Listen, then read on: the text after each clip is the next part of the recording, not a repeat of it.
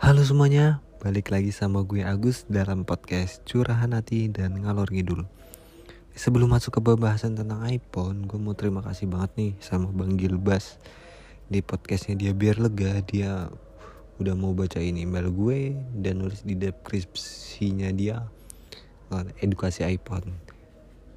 Gue sih nunggu dia masukin link tapi cuman nggak ada linknya tapi nggak apa-apa lah. Terima kasih Bang Gilbas udah mau bacain email gue dan gue bakalan tetap setia dengerin podcast lo sama besok ada info juga iBox ngadain pameran di uh, di Central Park.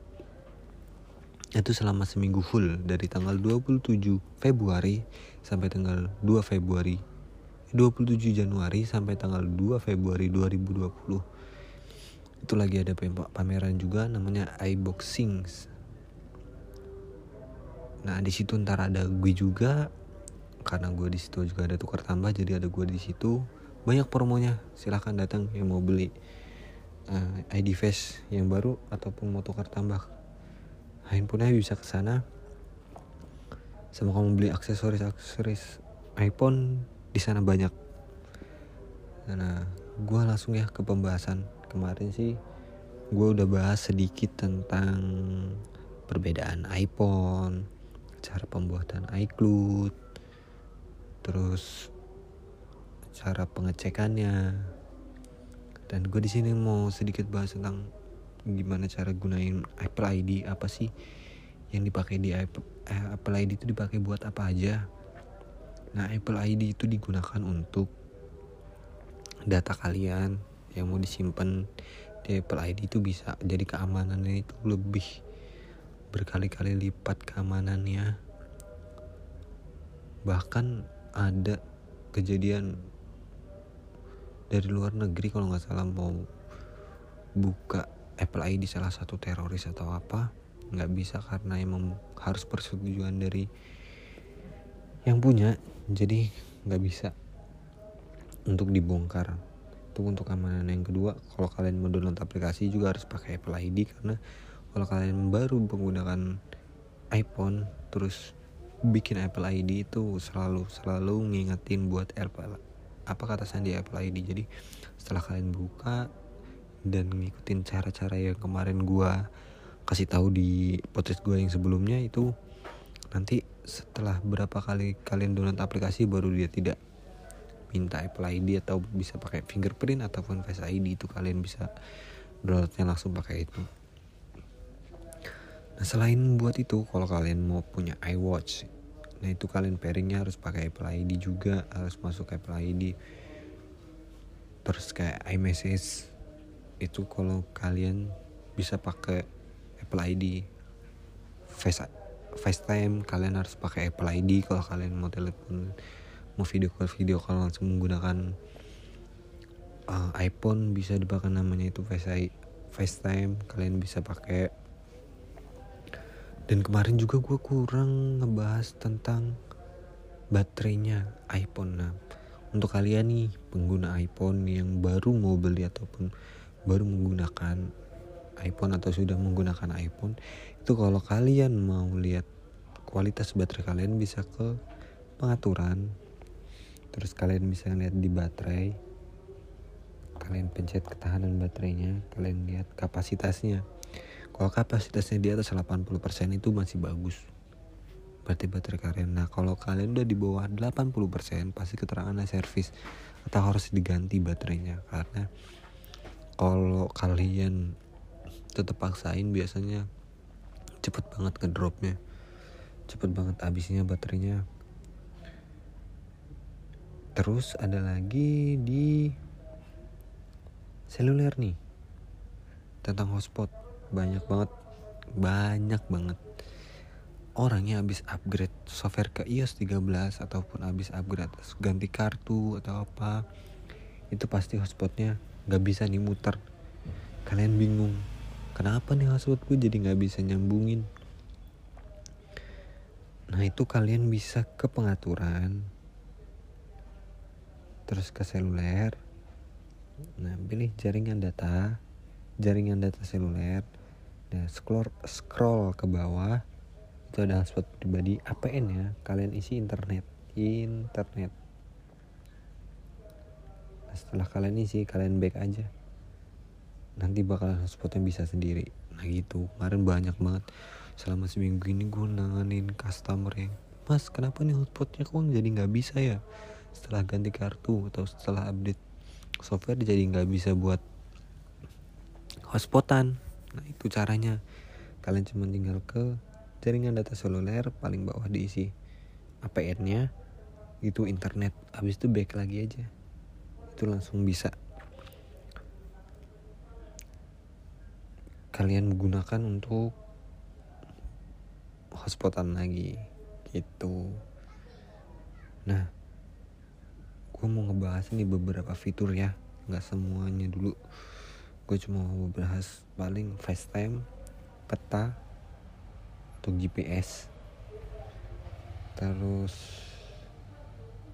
iMessage paling itu dulu tiga dulu.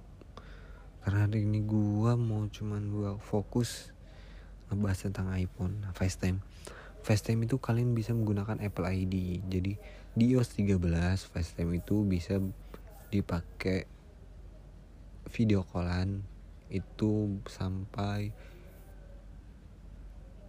30 30 orang maksimal 33 untuk kalian video call bareng video callan bareng-bareng kalian bisa gunakan face FaceTime untuk melakukan video callan bersama teman-teman kalian menggunakan iPod. Nah, terus ada lagi peta. Nah, ini gue gue kemarin sih abis training. Training terus bahas-bahas tentang aplikasi. Nah gue seru sama tentang aplikasi eh fitur peta ini. Jadi GPS kalian bisa menambahkan rumah dan alamat kantor di peta kalian. Jadi rumah nih kalian di sini. Semua kalian mau nentuin rumah kalian tinggal pilih aja. Terus titik-titik yang kalian sukain yang kalian biasa kunjungin bisa kalian pilih di sini. Terus kayak koleksi kalian bisa nambahin. Dan di iPhone itu kalian nggak bisa nih uh, menggunakan peta ini buat GPS kalau kalian pengguna pengguna motor. Jadi kalau petunjuk arah yang dipakai oleh iPhone itu semuanya ke mobil kendaraan mobil atau kendaraan pribadi mobil. Jadi kalau kalian pakai motor saya sarankan jangan pakai GPS atau petanya di iPhone. Karena kalau kalian pakai nanti masuk tol nah berarti pengendara motor yang sering masuk tol itu berarti pengendara motor yang gaya-gayaan. Pakai iPhone terus pakai GPS-nya iPhone.